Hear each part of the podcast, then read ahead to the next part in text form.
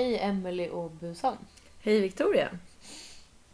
Hon sitter verkligen i, eller ligger i ditt knä. Mm.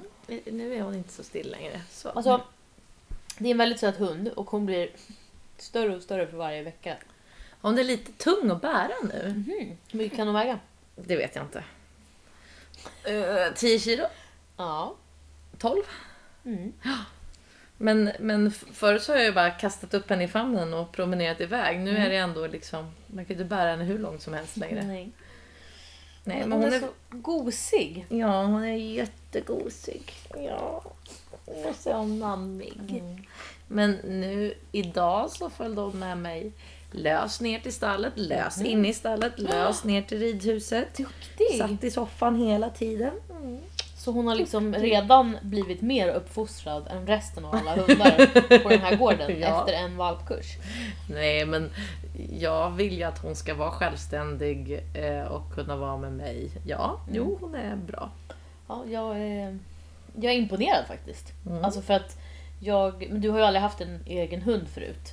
Men, men när du sa att du skulle skaffa hund så tänkte jag, åh, inte en till. För att det är ju väldigt många på den här gården. Ja, och du har inte hejat på det här beslutet lika mycket Nej, som men- vissa andra har gjort. Nej, men och jag är väldigt glad att, att du tog det här beslutet för det var helt rätt. Mer bara att hur ska det gå tänkte jag. Hur ska det gå, hur ska det gå, hur ska det gå tänkte jag. Men det har ju gått bättre än förväntat. Eller Ja. förväntat, men jag menar, det är ju mer att jag jämför med de andra Hundarna. Ja, exakt. Men jag har inte varit så orolig för jag vet ju att jag är ganska disciplinerad och jag Ja. visste ju att jag hade tiden nu att göra det här. Ja, Sen är det ju så att det jag kanske inte har tänkt så mycket på det är väl att hon faktiskt är Alltså det är väldigt mycket jakt i henne. ja. Eh, vad jag egentligen ska med jakthund till kan man ju börja fundera på nu. För att Mm. jag inte, vet inte om jag vill att busen ska ut i skogen och jaga massa läskiga djur. Men hon kommer ju absolut få följa med Lars och Christian om, och Ja. min pappa om det skulle vara så. Ja, men jag vill ju att hon ska gilla att ligga hemma i sängen. Mm. Inte jaga massa vilda djur. Men hon kommer ju ligga i sängen jättesnällt och duktigt efter att hon har jagat vilda ja, det är djur. sant. Ja. Men Jag tror lite av, eh, lite av allt mår Lite väl bra av. Mm. Ja, nej, busan är jätteduktig. Vi ska snart gå på vår andra valpkurs nu, Mm. så nu tränar vi lite, bara lite varje dag. Mm. Eh, stanna och, och så. Mm. Och gå koppel. Gå, eller jag, jag är lite dålig på att koppelträna för att jag vill ha henne lös. Men Ja. vi får väl träna mer på det. Ja men hon kommer väl typ aldrig behöva ha koppel, eller? Men Det kan vi hoppas. om hon åker, alltså ifrån, om ni åker från gården så kanske man måste koppla henne. När hon ska vara med på tävlingar. Exakt. Jag är ju så fascinerad över att vi rider ju ofta på Gärdet i Stockholm. Mm. Och eh, inte bara där, men på många ställen så är det många hundar som går löst. Och jag förstår inte hur man riktigt vågar det. Nej. Eh, för att i liksom grundsituationer, eller normala situationer, så går det ju oftast bra. Mm. Men, och på Gärdet så får hundarna vara lösa. Men det är ju väldigt många...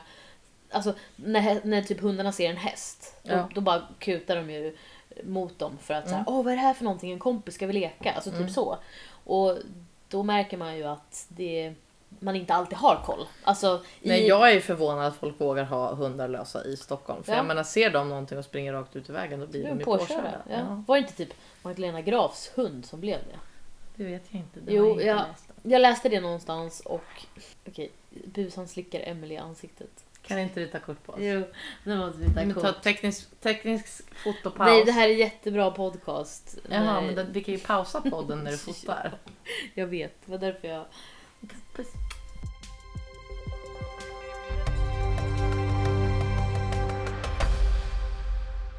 Har du någonting att berätta Emily? Ja, men jag är så tävlingssugen så jag håller på att dö. Så Mm. nu har jag planerat in att vi ska ha programridning här hemma för en Grand Prix-domare. Mhm. Så det ska vi ha. eh, Och eh, det ska bli jätteroligt. Jag tänkte rida två hästar. För de som liksom jag skulle åka och tävlat just nu, det är nog Floris och Ossi. Ja. Eh, och det här gjorde jag ju mycket förr, att man hade programridning för domare hemma. Ja. Men det är länge sedan jag gjorde det nu. ja. Så det känns ju som en jättebra grej att ha en liksom, minitävling hemma istället. Mm. Och det får man... Eller för det första, när ska den vara? Eh, den är om eh, en och en halv vecka. Ja. Inte när det här släpps. Nej. Nej. ja men den är i närtid. Mm. Och- Eh, Och då är det Floris Ossi jag ska rida. Och Mm. Ossi vill ju gå sjuårsklasserna nu så han ska starta. Och jag har aldrig ridit en häst i sjuårsklasserna. Nej. För på den tiden som de hästar som var sju år som skulle gå de klasserna, då var det med Sora och Sankt Georg man red. Så att jag måste lära mig sjuårs... Åh, Program. Spännande. Mm. Är det kanske också nya program för att det är ny säsong? Nej, Nej. det är sedan 2017. Ah, okej. att- men det, det har inte varit sjuårs... De här FIs eh, sjuårsprogram, de har funnits sedan 2017. Men du har alltså inte haft någon sjuåring att visa då på? Inte sedan 2017. nej. Intressant. Vad är, det, vad är det för rörelser i det programmet? Alltså Det- vad är det för svårigheter? Det är eh, galoppombyten i serier. Vart fjärde är Mm. det inledande och sen är det piruetter, Ja. galoppsluter Mm. och sen är det öppna och sluta i trav och travökningar. Spännande. Ja, så det ska bli jättekul och sen tänkte jag rida ett med B-program på Floris. Och man får ha programridning även fast tävlingsstoppet är. Ja, den, det här är ju vi på gården som rider Ja. så det är som att en tränare kommer hit och Ja. tränar oss hemma liksom. Är det någon som du har tränat för förut eller? Ja, det är en Grand Prix-domare, Vivica Schenholm, som Ja. kommer komma hit. Och eh, det är också för tjejerna i stallet. Ah. De, deras mål är ju väldigt mycket att, att tävla och Mm. utvecklas. Så det har ju blivit lite motivationsstopp eller vad man ska säga för dem också. Så att då ska vi göra liksom, alla i teamet här ska ha en programridningsdag. Det är väl en sjukt bra idé ju. Ja, Alltså, Eh, Jag tycker att det var jättebra att vi kom på det, Ja. eller att jag kom på det. Och det jag tänker är, eh, det finns ju olika upplägg man kan göra när man rider för en domare. Mm. Först så kan man ju träna mm. så att man är, har hästen helt i rätt form och eh, ah, i rätt läge för att sen rida upp programmet som Ja. bedöms. Och sen är det någonting som inte fungerar så gör man om det. Mm. Eh, Och det var så den domaren ville att vi skulle göra det här. Mm. Men jag vill ju ha tävlingsmomentet. Mm. Så jag vill rida fram Mm. för att tävla. knoppa, Ja, ja, ja. ja. Ja. Allting. vita byxor. Ja, kanske till och med tävlingsutrustning. Ja. Eh, rida fram för att tävla och sen att man gör om det som inte fungerar. Ja, som en liksom sån eh, eftersnack Ja, efteråt. och jag tror att det är bra för alla de som ska vara med också, Krille och tjejerna i stallet, så att det blir lite skarpt läge och sen Mm. så får man andas ut. Men det är ju den där nervositeten kring, för det kanske blir lite avdramatiserat också om man får träna först för domaren och sen Mm. rider man upp det. Jag vill gärna att det ska vara Träna på skarpt liksom. mm, träna hade- på skarpt läge. Det hade jag, jag har ju så sjukt dåliga tävlingsnerver. Mm. Så det hade jag också behövt träna på tror jag. Ja, och det tycker jag det är ju någonting man verkligen kan göra. Ja. Att göra sig i ordning, sätta på sig kavaj och knoppa hästen. Och om man inte rider upp eh, program för en domare så kan man göra det för sin tränare Mm. i skarpt läge. Mm. Nu när vi inte får lika mycket chanser att, att tävla Nej. så är det väl jättebra att, att göra det. Så det ska vi göra här hemma. Kul. Så det eh, håller jag laddar lite för nu. Men du sa även Krille, betyder det att du får med honom på det här också? Ja, han ska vara med. Kul! Ehm, och sen eh, så är planen att vi tillsammans med Gnesta ridklubb ska ha tävlingar i år. Mm. Vi hoppas ju att det här tävlingsstoppet gäller fram till 11 april och att Mm. det släpper sen. Mm. Så sista helgen i maj kommer vi förhoppningsvis ha tävlingar med ungdomsklasser här på Brolöten. Mm. Så nu håller jag på lite med det också. Planerar och fixar. Ja men eh, kul.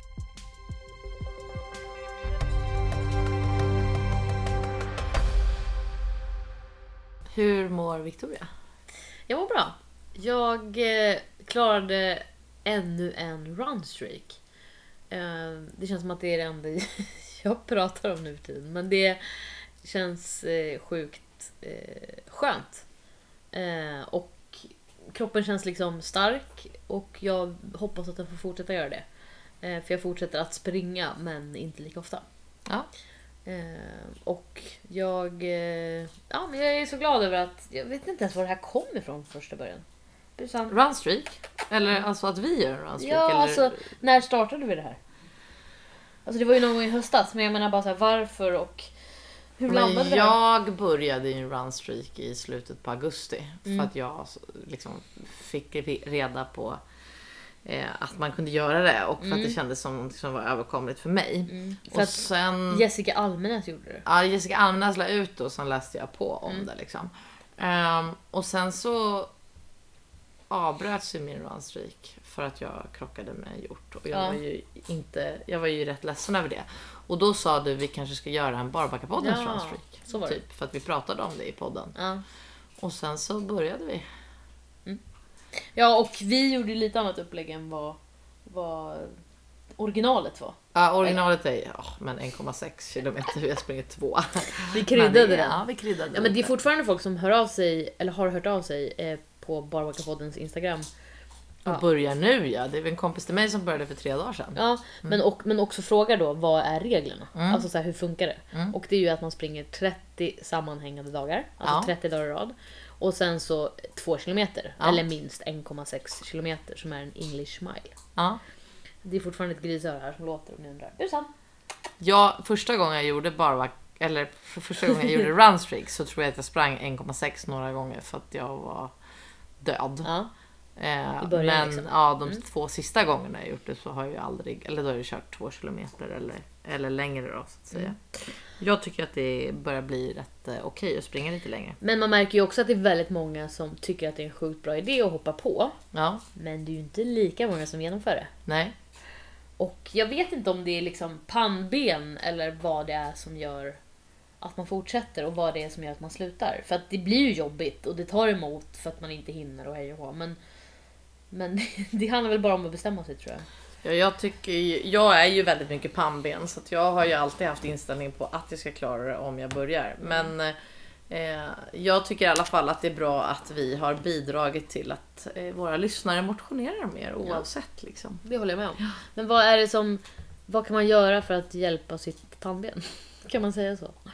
Eller vad... För det, det, jag tror att det är det som är, tar stopp liksom. Ja men jag kan ju inte, alltså om jag har bestämt att jag ska göra någonting så Mm. kan jag ju inte inte göra det. Nej men jag är likadan, men jag tänker bara, kan man hjälpa folk? Förstår du vad jag menar? Ja men till, det, det kan man ju tillägga. Du har ju lagt ut att du gör det. Vi gör ju det här för att vi har följare och lyssnare och Ja. allting. Det är ju mycket svårare att avbryta om man involverar andra. Ja, det är sant. Så det kan man göra. Ja, Antingen gör man det ihop med någon Mm. så att man måste leverera till den personen. Mm. Eller så lägger man ut på sina sociala medier att man ska göra det för då är det Mm. också svårare att hoppa av för då är det ju ett nederlag. Så att Mm. då gör man det ju för att bevisa för någon annan också. Mm. Inte för att det ska vara drivkraften men det är ju svårare att dra sig ur om det är flera som vet om att man har försökt. Mm. Jag kommer ju nu hänga ut min kompis Maja. Mm. Men hon började ju samtidigt som mig. Mm. Eller det var liksom hon och jag som pratade om det så att jag sen bestämde mig för att göra det gång två nu. Mm. Eh, och hon köpte nya skor och eh, stukade foten typ första dagen. Alltså inte första dagen på runstreaken men Nej. första dagen hon använde skorna. Så hon hann ju ett par dagar, jag minns inte hur många det var, kanske sju, åtta eller någonting. Mm. Och sen hände det här. Och då kunde hon ju inte fortsätta springa. Eh, och eh, jag tror att hon tycker att det är jobbigt att jag har kunnat men inte hon. Mm. Eh, men det är också så lätt, eller mycket lättare när man typ så här, om man är tvungen att skicka en, vad heter det? Selfie på sig själv typ. Så här, nu har jag sprungit, check. Ja. Så här, till varandra. Så Ja. är det ett sätt att, att tvinga sig själv att göra det. Ja. Och när den andra då skickar en selfie, då kan man ju inte vara sämre. Liksom. Nej. Så att hitta en, eh, en teamkompis är väl eh, en jättebra idé. Min bror, han gjorde en egen runstreak. Han sa att han skulle springa... Vad är det? Vi, vi springer ju 6 mil då på en månad. Mm. Han skulle springa 20 mil på en månad. Okej. Men han skulle ju inte göra det alltså, varje dag. Nej. Utan att han skulle springa mycket färre men längre pass. Mm. Och mm, när han berättade det här så var han inte klar än. Men då hade han bara typ två mil kvar och typ fem dagar. Så att han var ju liksom säker på att han skulle klara det. Han, vi ska också tillägga att han jobbar inom försvaret och har gjort det de senaste ja, fem åren, sex Ja, åren. han åker ju också Vasaloppet på så här elittider. så Ja, att, under ja. fem timmar. Så att han, det går inte att jämföra sig med honom. Men det är också så här, jag har ju pratat om den här runstreaken så många gånger. Och han har heller aldrig varit en löpare. Alltså så. Nej. så att jag tror att jag har inspirerat honom till att springa. Mm. Eller nej, men, men det här med liksom att utmana sig själv att göra det under flera dagar eller så sammanhängande. Ja, ut, utifrån sin nivå. Förmåga. liksom. Ja, Ja. Men att jag kanske lite har typ väckt en... Så här, det är inte min förtjänst att han springer men han tänker så här, ja men kul idé liksom. Mm. Han har ju också supportat mig i det här väldigt bra så det har varit väldigt kul. Men du har fortsatt springa nu. Hur mycket då? Nej men eh, lite längre, alltså i distans, Mm. men färre dagar. Mm. Så att jag försöker springa tre dagar i veckan. Ja. Det känns som en rimlig eh, nivå. Ja. Men också kul att och, och springa längre. För att på två kilometer så kanske man springer ett lite högre tempo. Men eh, det är ju kort. Alltså Ja. jag har ju ändå sprungit milen och en och en halv sprang jag ju i höstas. Alltså så här, jag kan springa distanser. Mm. Fem kilometer tycker jag är ju perfekt. Men det hade jag ju aldrig kunnat hålla i liksom varje dag. Men eh, så någonstans där omkring. Jag skulle vilja klara 100 dagar i rad. Ja, men det klarar du väl? Ja, men man blir ju sjuk eller man ramlar Jo. av eller man blir trampad på foten. Men eller det alltså... får vi väl inte hoppas. Nej, Ja men så det är ditt mål med Nej men jag ska inte hetsa det. Men, men det är någonting som jag, alltså om man nu ska, en, antingen så börjar man om en ny hela tiden eller så gör man det utifrån sina förutsättningar. Men eh, det är coolt om det skulle kunna bli 100 dagar. Våra lyssnare är kanske jättetrötta på att Vi pratar om det här ja. Ja men då pratar vi om någonting annat. vi pratar om någonting annat. Men innan vi lämnar det. Mm. Vi har ju lovat ett pris också. Ja absolut. Hur går det med det? Jo det går bra. Vi får diskutera det när vi har spelat in det här avsnittet Ja, vad, vad, liksom, var ska vi lägga ambitionsnivån? Ja men det ska ju vara lite hemligt. Jo. Så jag ska berätta för dig sen vad jag hade tänkt. Spännande. För att vi, det är ju några som har klarat den. Ja. Men det är ju inte så många än som har hört av sig och sagt att de har genomfört hela. Nej, och det vill vi gärna ha. Mm. Vi vill ha eh, alla som har klarat en runstreak. Ni måste höra av er Till oss. Och nu ska vi sluta tjata om det här. Men det är kul att springa. Hej! Hej!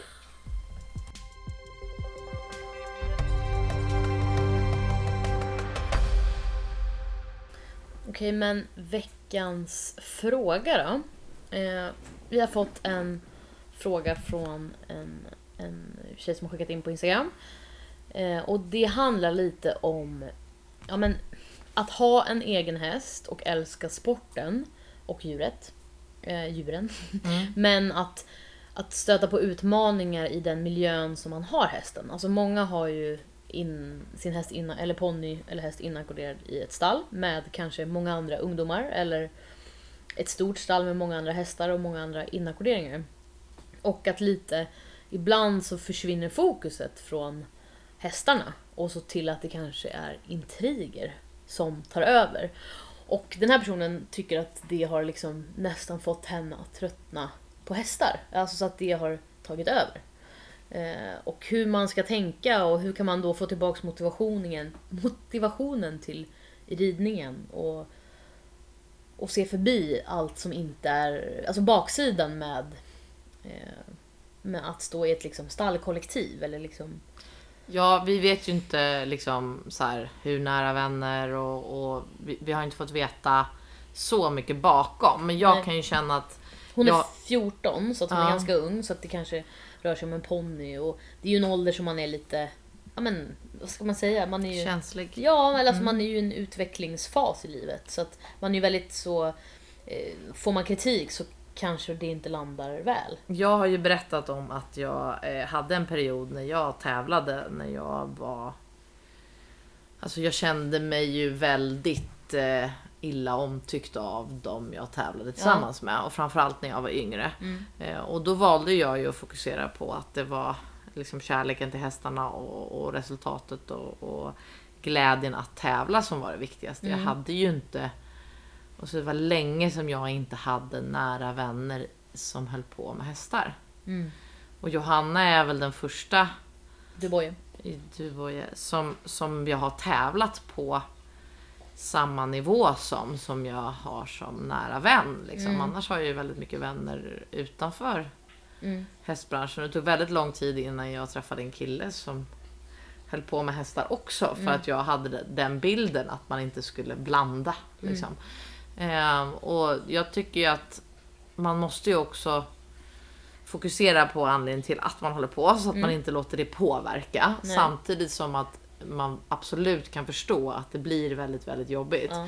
Och ibland är det ju kanske en person som förstör väldigt mycket eller skapar väldigt mycket Mm. intriger och så följer många andra med. Mm. Jag vet ju att det är väldigt speciellt att, att dela stall med många och ha många olika människor Mm. i stallet. Där Ja, man... för alla har egna eh, åsikter och tankar och idéer om hur saker och ting ska gå till. Ja, och jag tycker ju att man ska låta, om man inte, här, jag kan också ha svårt att hitta motivationen vissa dagar för att jag bor på en gård med familj och vi kan också ha intriger och det kan vara eh, personal som säger upp sig eller man har ingen personal och så vidare och då är det ju mänskliga intriger som går ut över kärleken till hästarna. Men man måste ju också välja att För det här går ju upp och ner. Det går upp och ner i en livstid och det går upp och ner från vecka till vecka. Men man måste ju komma ihåg varför man håller på och försöka hitta tiden på hästryggen är ju det som gör att man mår bra och kopplar bort allt det andra. Liksom. Eh, och sen är det väl så att man inte ska kanske lägga för mycket energi på vad alla andra tycker och tänker eller, eller hur de beter sig. Nej. Utan man ska känna sig trygg i sig själv och, och de valen man gör. Och då, det är ju jättetråkigt att hon inte har så mycket hästkompisar just där. Men då kanske hon ska försöka hitta andra som håller på med hästar som är vänner som kanske vill följa med till stallet. Eller att hon gör sin egen grej. Det är väl det hetaste tipset. Man ska aldrig försöka anpassa sig efter andra. Och om de inte har betett sig bra mot henne i stallet då kan hon nog inte hoppas på att det kommer bli bättre heller. Utan hon måste nog ta tag i saken själv och, och ställa sig utanför det lite. Mm. Och är det ett stort problem då tänker jag att då måste man ju typ så här, ta upp det på något stallmöte som man har Ja. så att det inte det blir ohållbart. Och man kan ju också byta stall. Jag menar, det finns Ja. ju de som har varit haft det jobbigt i skolan med kompisar eller någon Mm. som har varit tuff mot en och så här. Och så blir det jättebra när man byter Mm. miljö. Även om det inte är en lätt lösning så, så ska man inte låta andra... Eh, jag har en sån här Never let anyone dull your sparkle. Mm. alltså men- man ska inte låta andra påverka en, en så mycket så att Nej, det inte blir bra. nej. Alltså jag eh, har ju stått i flera inackorderingsstall både i Uppsala och Göteborg. Eh, och liksom har väl i perioder haft jättemycket liksom bra förebilder i stallet och äldre tjejer som jag sett upp till och varit inkluderande. Och ibland så har det varit någon liksom stallägare som har haft väldigt mycket åsikter och lagt, lagt sig i väldigt mycket. Och vissa saker var nog kanske bra att de la sig i. Liksom. För jag var ung och hade inte helt koll på vad jag höll på med. Nej. Mina föräldrar har ju inte varit några hästföräldrar på det sättet. Även fast de har stöttat i att köra på tävling och sånt. Men, men att det är liksom...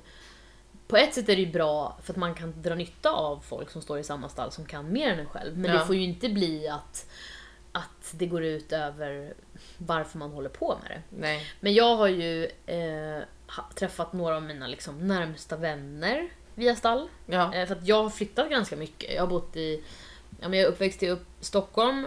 Nej, född i Stockholm, uppväxt i Uppsala och sen så gick jag gymnasiet i Göteborg. Och då är man ju också väldigt så här, utelämnad eh, av att så här, komma till ny skola, försöka skaffa sig nya vänner. Och så sätt har ju stallet liksom verkligen varit en räddning för mig. Ja. För att innan jag fick klasskompisar, eh, alltså nära klasskompisar, så hittade jag likasinnade i stallet som jag kunde umgås med. Även fast vi kanske inte var lika gamla så hade vi ändå liksom samma intresse.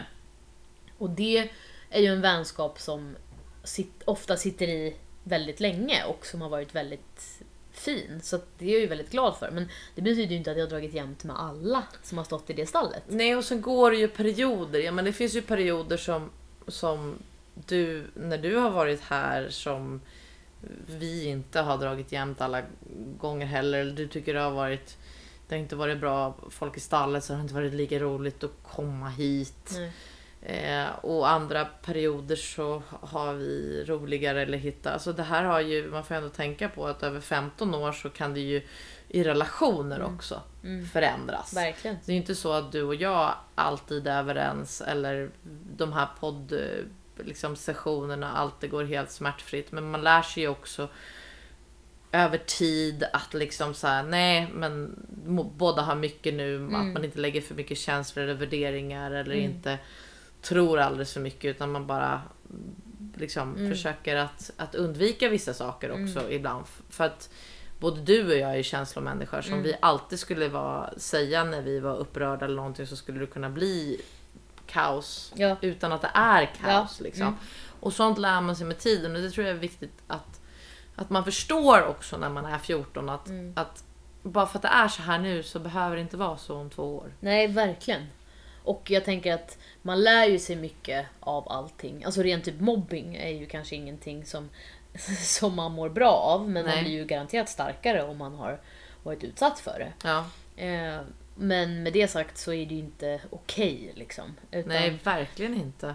Det är ju någonting som man, eh, som man måste ta upp. Och jag vet inte, alltså nu vi vet inte om den här, alltså vad, vad den här personen sitter i för situation. Men jag kan bara tänka mig hur det kan vara i stall. För att ofta så är det ju många personer som kanske inte alltid drar jämnt. Och då finns det ju, alltså avundsjuka gör jättemycket. Ja, det var precis det jag tänkte komma till. Vi, vi vet ju inte vad, vad situationen är här.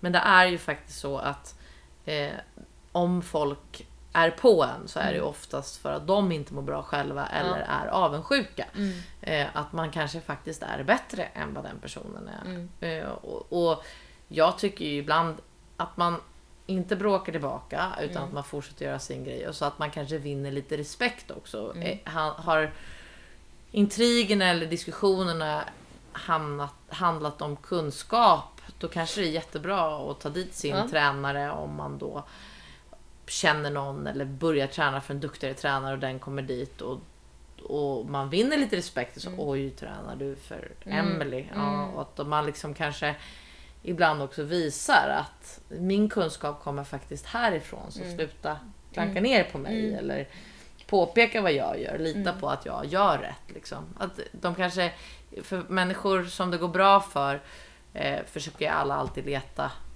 eh, fel hos. Ja. Liksom. Eh, och då är det kanske bättre att visa att man involverar sig med, med duktiga människor och ta dit den tränaren eller Mm. så. Det kanske också vinner mer respekt. Ja, och sen så tänker jag att det ju har varit en stor del av mitt liksom, häst och ponnyägande genom åren är ju gemenskapen. Så det kan ju vara också någonting som är så himla fint och så himla bra. Eh, så att det känns som att liksom, man, vill ju, man vill ju sträva dit. Och det är inte, det behöver ju inte vara liksom, kört heller. Utan man, det är väl bra om, om, man, om man tar upp det, om det är ett problem som går att ta på, att man tar upp det så att man kan försöka reda ut det. För att det är ju inte heller kul att, att gå med det här. Jag, jag har verkligen eh, liksom, kommer ihåg situationer där jag hade ont i magen när jag gick till stallet. Eh, och så här, det enda sättet att få bort den känslan är ju att ta tag lite i problemet. Jag tycker sådana här gruppmöten brukar vara ganska svåra. Det är också svårt att konfrontera människor utan att eh, man blir osams. Jo. Men det är ju ibland väldigt bra att skriva ner i text vad man Ja. känner och så försöka dämpa sina känslor lite. Mm. Och sen att man kanske lägger över lite ansvar på den andra personen. Så att, tycker du att så som det är nu Mm. Ja. är bra? Mm. Alltså så här, skriva, skriva ner och kanske bjuda in till ett möte först. Mm. Liksom. Det är väl ett jättebra tips. Ja, för det ska ju vara kul att hålla på med hästarna. Även fast liksom, kärleken till djuret ska gå först så är det ju oftast att man, att man står många i samma stall och då måste man ju bara lära sig att vad ska man säga, hantera det. Liksom. Ja. Eh, För det är ju inte alla som du har ett eget stall på gården. Nej, men jag tror att man ska försöka gå stark ur det och Mm. se det som, alltså titta på jag tror så alla framgångsrika människor har Mm. ju haft det tufft eh, Mm. under vissa perioder i Mm. ens liv. Mm. Så, Carolina Gynning var, hade det väldigt svårt när hon var, men hon har berättat om det i podden mycket. Att Okej. hon eh, var lite mobbad och Ah, ja. uthängd och så. Liksom. Mm. Men jag tror att om man är stark och har liksom, tydliga åsikter och så. Då, Ja, då är det mycket lättare att vara den som folk vill hacka på. Ja, Mm. eh, och, och det behöver inte vara någonting, det kanske är jobbigt nu men det behöver inte bli jobbigt sen. Nej. Och att så här, man lär sig ju av allting. Så att även fast det kanske känns jobbigt nu så är ju det här liksom, det kommer komma något bra ut av det längre fram. Det är ju fostrande. Man, man lär ju sig så länge man lever. Och jag menar, nu är jag ju dubbelt så gammal som 14 men jag kommer fortfarande lära mig massa saker resten av livet. Ja, allting som är utvecklande tar ju emot. Så Ja. när man har det riktigt jobbigt då ska man ju veta att det här har jag ju lärt mig massor av tills nästa gång. Mm. Man, någonstans så tränas man ju inför någonting annat. Mm. Liksom. Men motivationsmässigt så är det ju att ja, men, hitta på roliga saker tillsammans med din häst. Ja, Att, och, verkligen tänka på att det är därför jag håller på. exakt. Och ett jättebra exempel är ju att bjud, eller liksom ta, ta hjälp av typ en tränare eller liksom någon som, som kan hjälpa en att motivera framåt. För att jag vet att när jag var liten så kanske jag typ tog med mig min pappa till stallet ibland. Ja. Och det är ju jätteså trygghet som kan stå det behöver liksom inte alltid vara en tränare utan bara en, en vuxen person eller en annan person som kan... Som följer med till stallet, ja. Ja. Eller en annan kompis. Eller en Ja. Mm. hästkompis som har sin häst i ett annat stall och att man ibland eh, får med sig den personen så att man inte behöver hänga med de här som inte är några roliga. Liksom. Nej. Eh, Några gånger åker man till den kompisens stall och några gånger följer den med ens Och skaffa nya eh, ridkompisar är ju mitt bästa tips. Alltså det som jag... Mitt, eh, något av mina starkaste liksom, upplevelser under min ungdom, eller barndom, vad säger man? ungdom. Är ju alla ridläger som jag var på. Ja, Jag, jag fick ju möjligheten att komma till Brolöten väldigt ofta. ridläger är ett hett tips. Ja men att så här, det är verkligen, då, då byter man miljö, man träffar andra människor som håller på med samma sak men Mm. som man vanligtvis inte träffar. Och så inser man att liksom, det finns bra människor eh, som håller på med det här också. och man får motivation.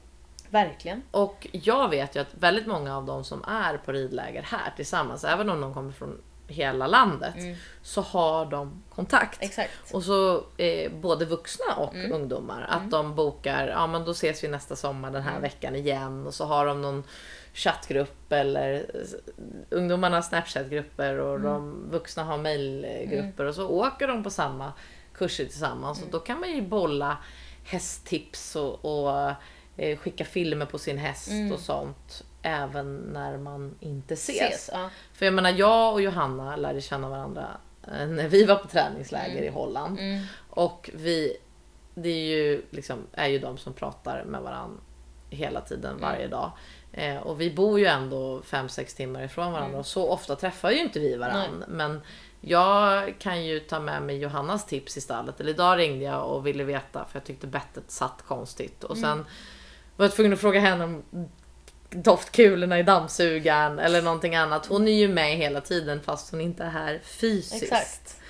Och så ska man ju göra. behöver inte ha dina bästa kompisar på plats i stallet utan Nej. ha en person du har förtroende för och tycker mycket om som kan backa upp dig istället så att du får självförtroende och får roligt med det du håller på med.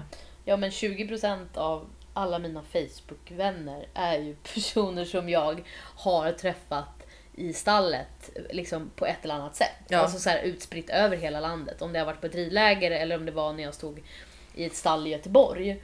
Eh, och jag tycker det är så fint för det, kan ju, det är ju också så förenande. Eller liksom, Ja, verkligen. det är, eh, det är, vi har, alltså intresset vi har är väldigt speciellt på det sättet att jag pratade med min eh, kompis William om det eh, häromdagen och han bara men, men du var ju för mycket i stallet förut. Typ, sa han så här. Jag bara vadå för mycket? Nej men du var ju där liksom så här, typ nästan alla dagar i veckan. Liksom. Jag bara, ja men... Han bara, nej men det var ju för mycket. Nu har du mer på en rimlig nivå. Alltså typ mitt, mitt hästeri nu då, jag rider lite på helgerna, åker ibland till Brolöten, åker och hälsar på min häst. Det tycker han är mer rimligt. Jag bara, men så kan du ju inte säga för att det kommer ju bli så mycket igen liksom. Och det är ju svårt att hitta den här förståelsen för den här sporten hos människor som inte har någonting med de här djuren att göra. Ja, Eh, Så det är ju ändå värdefullt med hästkompisar. Liksom. ja verkligen. För att det är ju inte de andra kompisarna som kommer stötta dig i ditt val i att ha häst. Nej. Utan man blir ju ifrågasatt hela tiden. Och, jag, menar, jag har hållit på med det här så länge och att jag fortfarande lägger det mesta av mina pengar och förmodligen min framtid, alltså i tidmässigt på det här. Så, så kommer ju inte alla hålla med hela tiden. Men då får man ju bara ringa till en hästkompis och sen prata liksom. eh, För de förstår ju varför man gör det här. Ja. Alla dagar i veckan. Alla dagar i veckan. Det är världens bästa sport. Det är världens bästa djur. Sen brukar jag ju säga att det vore mycket bättre om jag hade hittat en annan typ av hobby. Hundar är också kul. Hundar är också kul. Och ja men liksom hund, de här hundgrupperna är ju också gigantiska. Alltså, Ja. De skickar bilder på sina hundar och idag är jag och Snofsan ute och på promenad. Snofsan? Nej jag vet inte, jag kom på ett hundnamn bara. Snofsan. Det skulle kunna vara busan. Snofsan. Jag var inspirerad av Snofsan, busan. Ja, nej, det, det är eh, tråkigt. Lycka till Ja. säger vi till den som har skrivit in. Ja. Och tack för att vi får ta del och, och tipsa dig. Jag hoppas att någonting av alla de sakerna smsa eller skriva ner, hitta andra hästkompisar, fokusera på hästarna, ta med någon till stallet. Alla de tipsen vi har gett att du kan komma eh, lite vidare med det och du får jättegärna skriva och berätta lite. Och om du vill ha ännu mer tips så var ännu lite mer specifik så ska vi se om vi kan hjälpa dig mer. Nej men för att jag, många frågor som vi får kanske är lite mer så, eh, min häst gör så här, vad ska jag göra? Men Ja. det är ju minst lika viktigt att ta lite såna här allvar, allvarligare frågor. För jag tror att det är många som kan känna igen sig. Verkligen. Så att det är viktigt att lyfta det. Så tack för frågan och lycka till.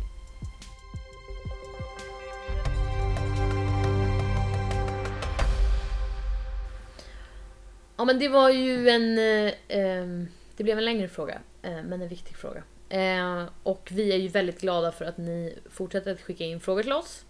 Så ni får gärna göra det på barbackapodden gmail.com eller vart då någonstans Emelie? På Instagram. Ja!